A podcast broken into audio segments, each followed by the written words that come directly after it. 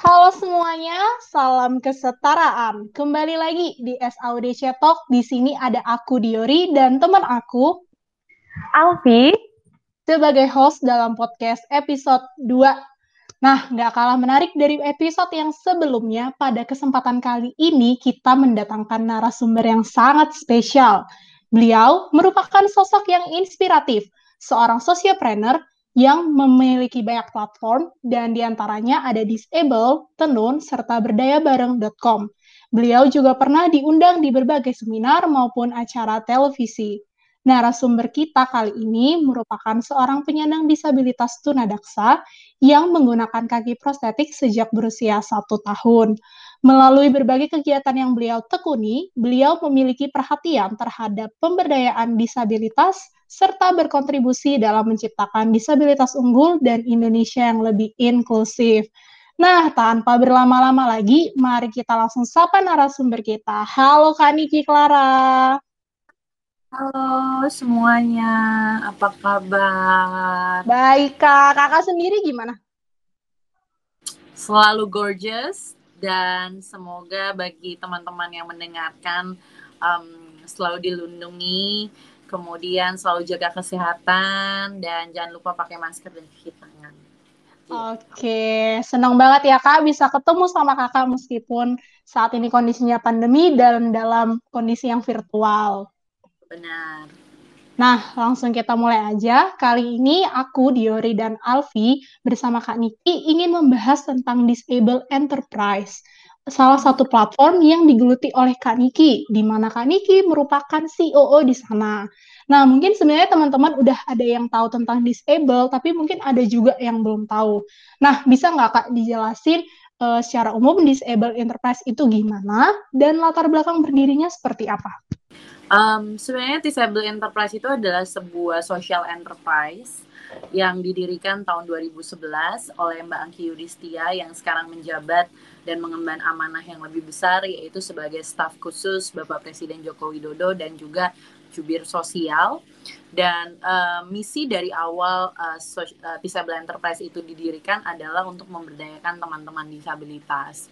Kalau kita tahu kan jumlah populasi teman-teman disabilitas di Indonesia itu sekarang itu sudah hampir mencapai 37 juta jiwa.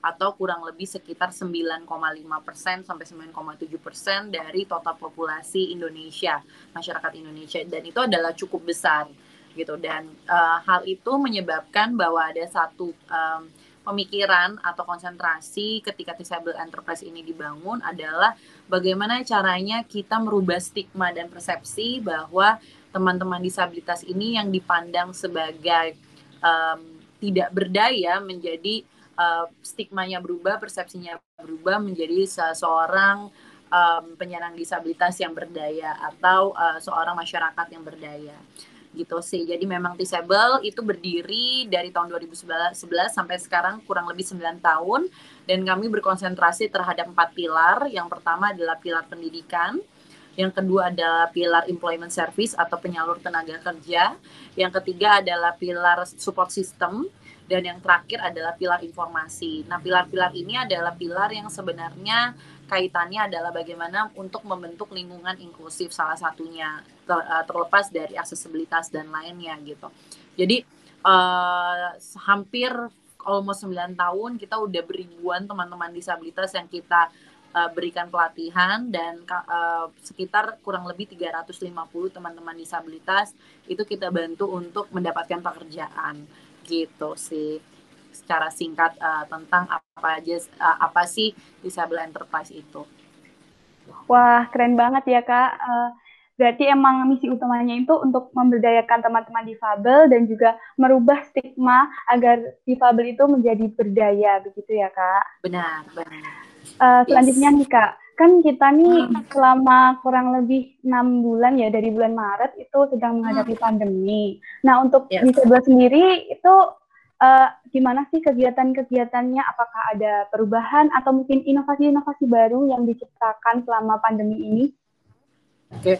uh, selama pandemi start in kalau tidak salah minggu kedua ya minggu kedua bulan uh, Maret 2020 itu adalah suatu hal yang cukup cukup mengagetkan gitu ya.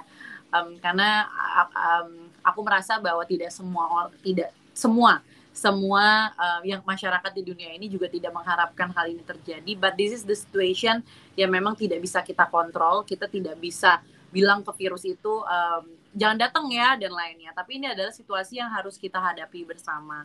Dan um, kalau ngomongin tentang disable gitu ya. Pasti di awal di minggu kedua pertengahan Maret itu banyak hal yang berubah. Salah satu adalah sistem. Jadi um, aku selaku yang uh, dan tim selaku yang mengurus atau menjalankan secara operasional yang paling sangat berubah adalah ketika teman-teman um, disabilitas ini yang pertama adalah terkena layoff atau terkena pengurangan tenaga kerja. Karena memang rata-rata industri yang kita tempatkan uh, dengan teman-teman disabilitas itu industri yang cukup terdampak walaupun kita tahu bahwa uh, sebenarnya semua sektor atau semua industri itu cukup terdampak jadi um, ada sekitar almost seratusan lebih itu teman-teman disabilitas itu terkena pengurangan kerja dan juga tertunda untuk uh, mendapatkan atau uh, mendapatkan pekerjaan baik itu di, di industri perhotelan, di industri finance and banking ataupun di industri retail gitu.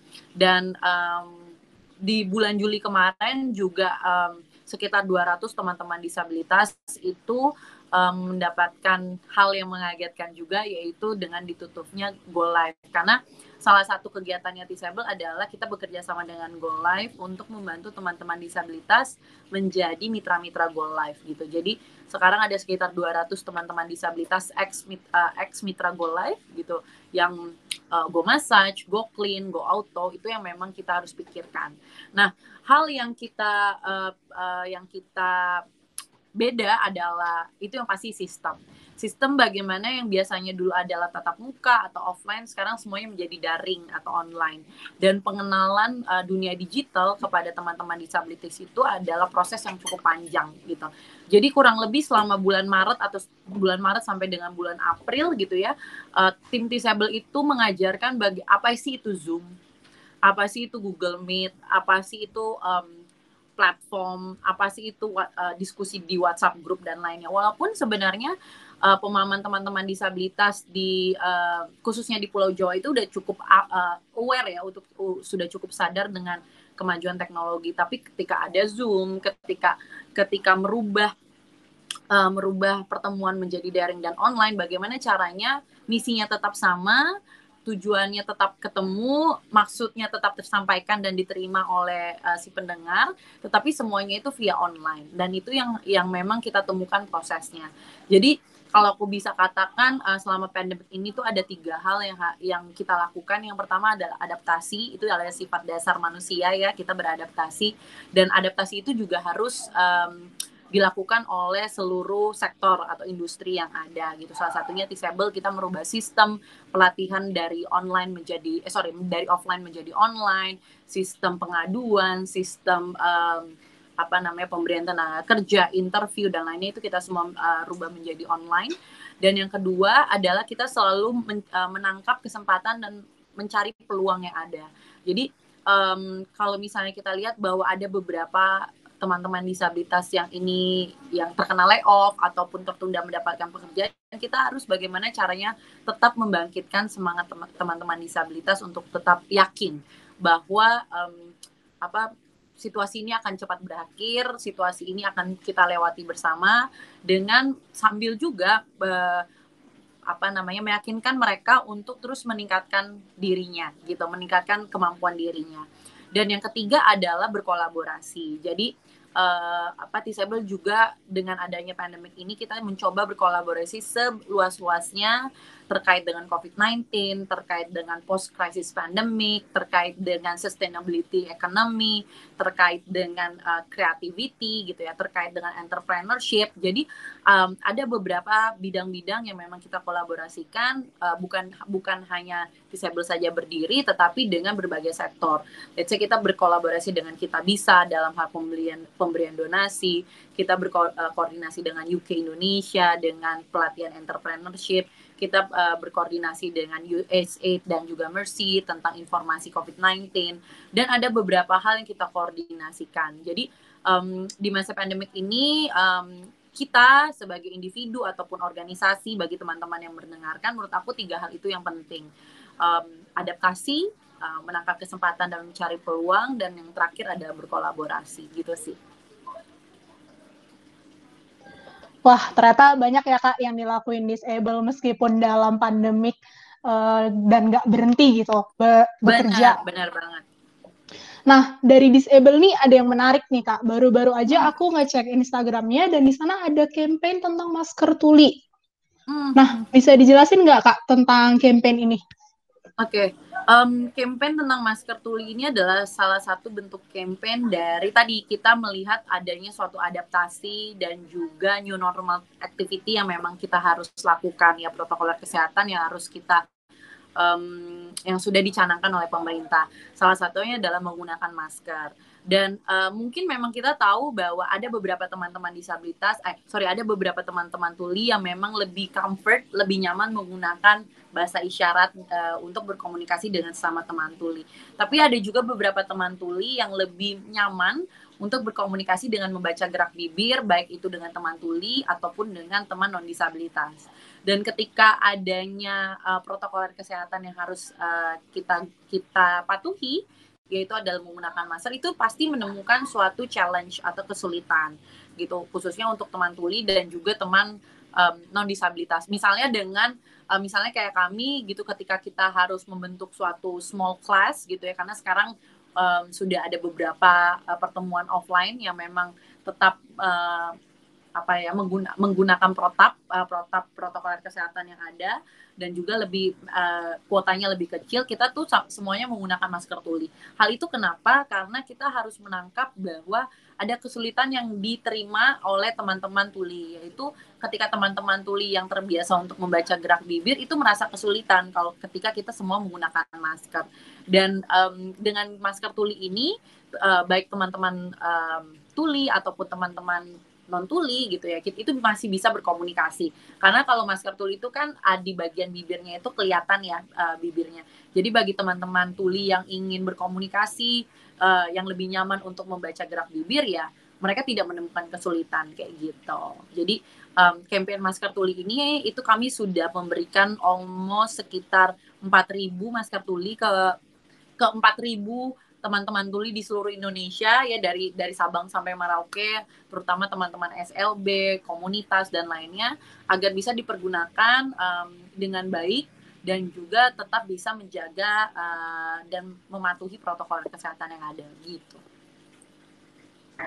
Wah, emang berarti masker ini sekaligus uh, yang pertama tentunya untuk mematuhi protokol kesehatan juga emang memudahkan gitu ya kak teman-teman. Baik mungkin teman tulis dan juga teman dengar juga bisa mendengar ya. Benar. Oh ya nah kak kalau dari uh, kelebihan dan kekurangan dari masker ini kak kan itu em berbeda ya dari masker-masker biasanya. Ada uh, mungkin itu mika atau apa bahannya dan mungkin bisa dijelaskan kekurangan kelebihannya Hmm. Uh, kalau kekurangan itu itu masker, tapi be, perbedaannya ada di bagian um, daerah area mul, area mulutnya itu uh, ada mikanya. Kalau kita ngomongin kekurangan kelebihan itu uh, diverse ya, maksudnya uh, mungkin apa yang menjadi kekurangan bagi aku itu belum tentu menjadi kekurangan bagi orang lain gitu kan. Jadi kalau misalnya kita mau menceram atau melihat melihat apa sih plus minusnya gitu ya itu balik lagi ke personal individu masing-masing.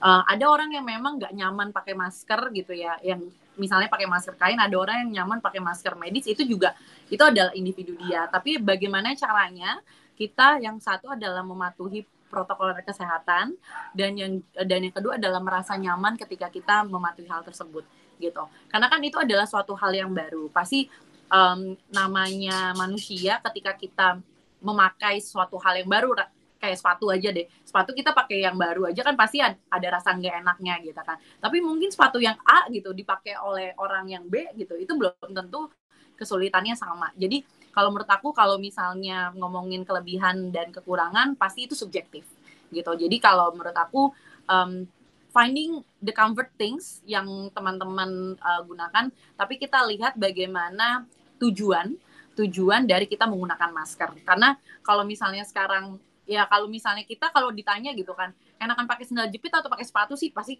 mungkin kalau menurut aku aku lebih prefer pakai sendal jepit. Karena lebih ringan lebih cepat bergerak gitu. Tapi ada ada hal-hal yang memang di mana let's say kalau misalnya acara formal ya kita harus pakai sepatu gitu. Jadi kita balik lagi ke tujuan awal ketika kita memakai masker gitu. Baik itu masker tuli ataupun masker uh, kain dan lain-lainnya. Karena kan memang itu untuk mematuhi protokol kesehatan dan juga uh, kita untuk uh, lebih lebih memberikan kesempatan bagi teman-teman tuli untuk bisa memahami apa yang kom, uh, dikomunikasikan dengan kita dan komunikasi itu tetap berlanjut kayak gitu sih. Oke kak, berarti emang benar sih. Aku juga setuju kelebihan dan kekurangan itu emang ya tergantung kita sendiri yang make ya. Dan hmm. tujuan utamanya yang pertama untuk mematuhi protokol dan sekaligus untuk membantu teman-teman tuli untuk lebih mudah berkomunikasi. Hmm. Nah, Terus uh, aku mau nanya nih Kak, gimana sih antusiasme teman-teman dengar maupun teman-teman tuli tentang campaign masker tuli ini? Antusiasnya tuh cukup luar biasa ya, terutama untuk teman-teman tuli karena uh, yang tadi aku bilang bahwa this is a new things, this is a new normal, namanya sebutannya new normal, yang memang mungkin kadang kita juga suka let's say kayak aduh aku kalau harus keluar dari rumah tuh harus pakai masker gitu aja kayak udah lima menit rasanya pengap banget gitu kan ya. Yang sedangkan terbi um, sedangkan kita uh, terbiasa untuk nafas yang freely banget gitu. Tapi um, ketika memang protokoler itu uh, harus tetap dicanangkan gitu ya antusiasme antusiasmenya sangat luar biasa gitu ya terutama teman-teman tuli karena kan kebanyakan memang teman-teman tuli itu berkomunikasi dengan teman tuli gitu ya.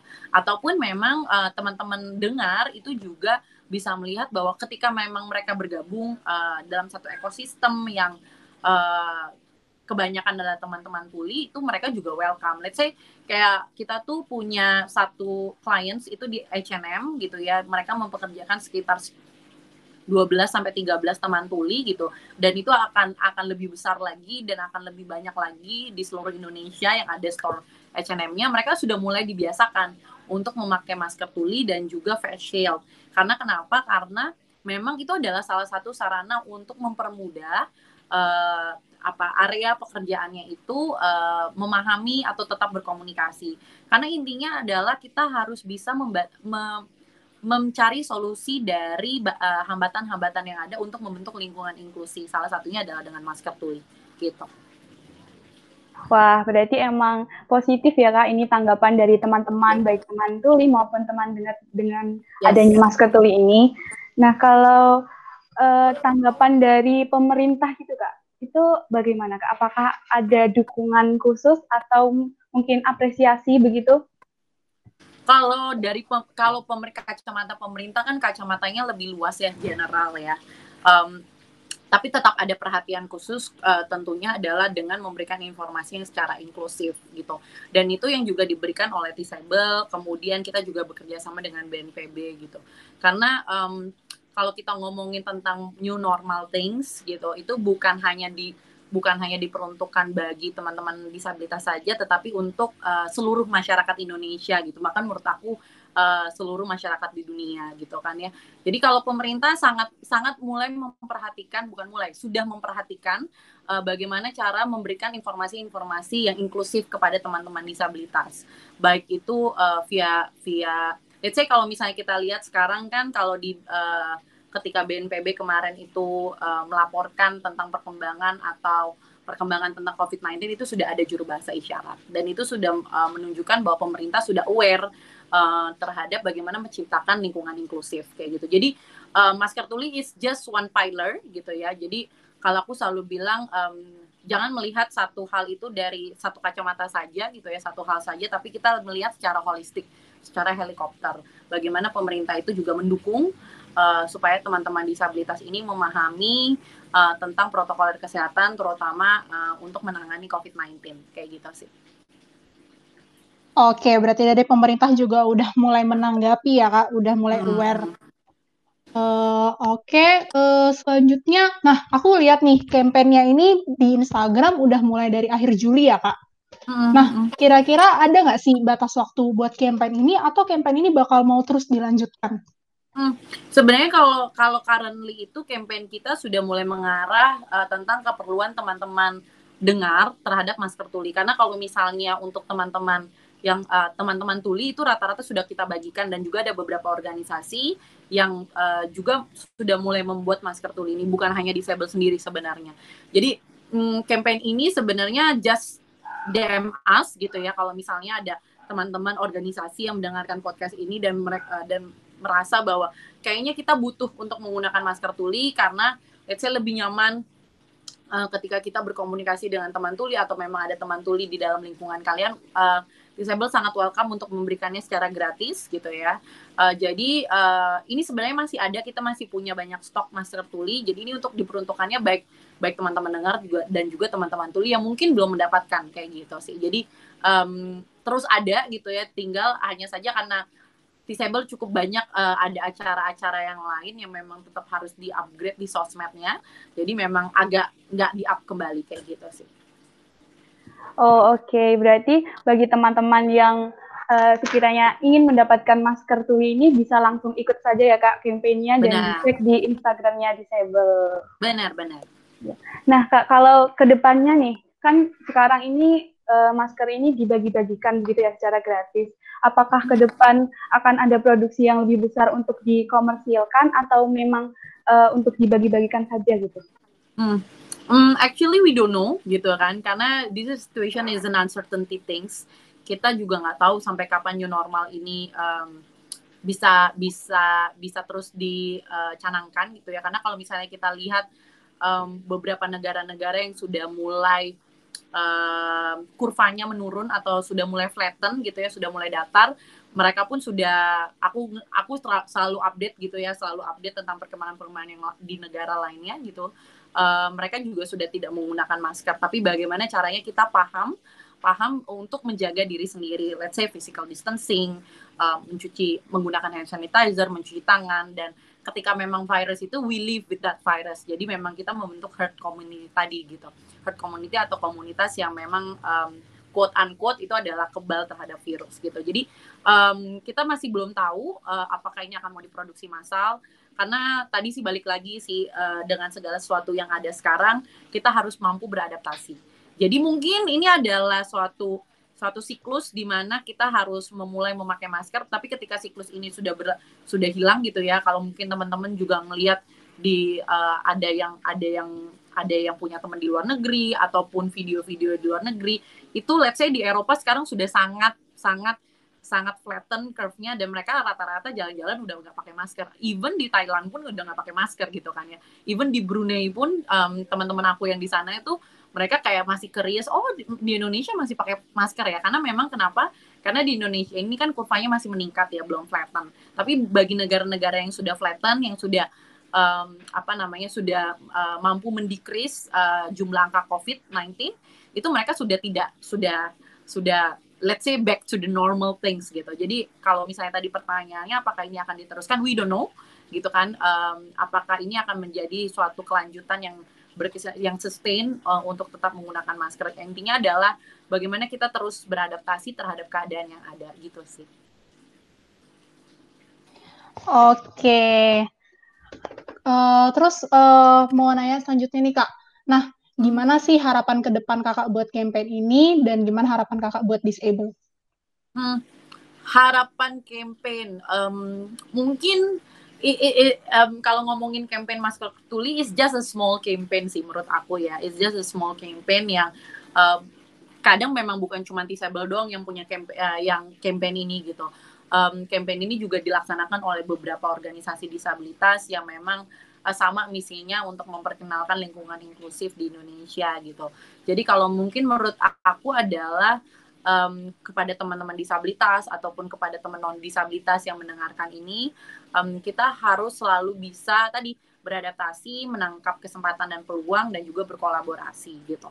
Jadi kenapa kenapa uh, di masa pandemik ini kita juga harus aware terhadap teman-teman um, uh, teman-teman disabilitas untuk tetap menciptakan lingkungan inklusif. Karena menurut aku di masa pandemik ini ini adalah momen di mana all humankind, all humankind itu uh, kembali menjadi meningkatkan sisi humanity-nya, sisi sosialisnya.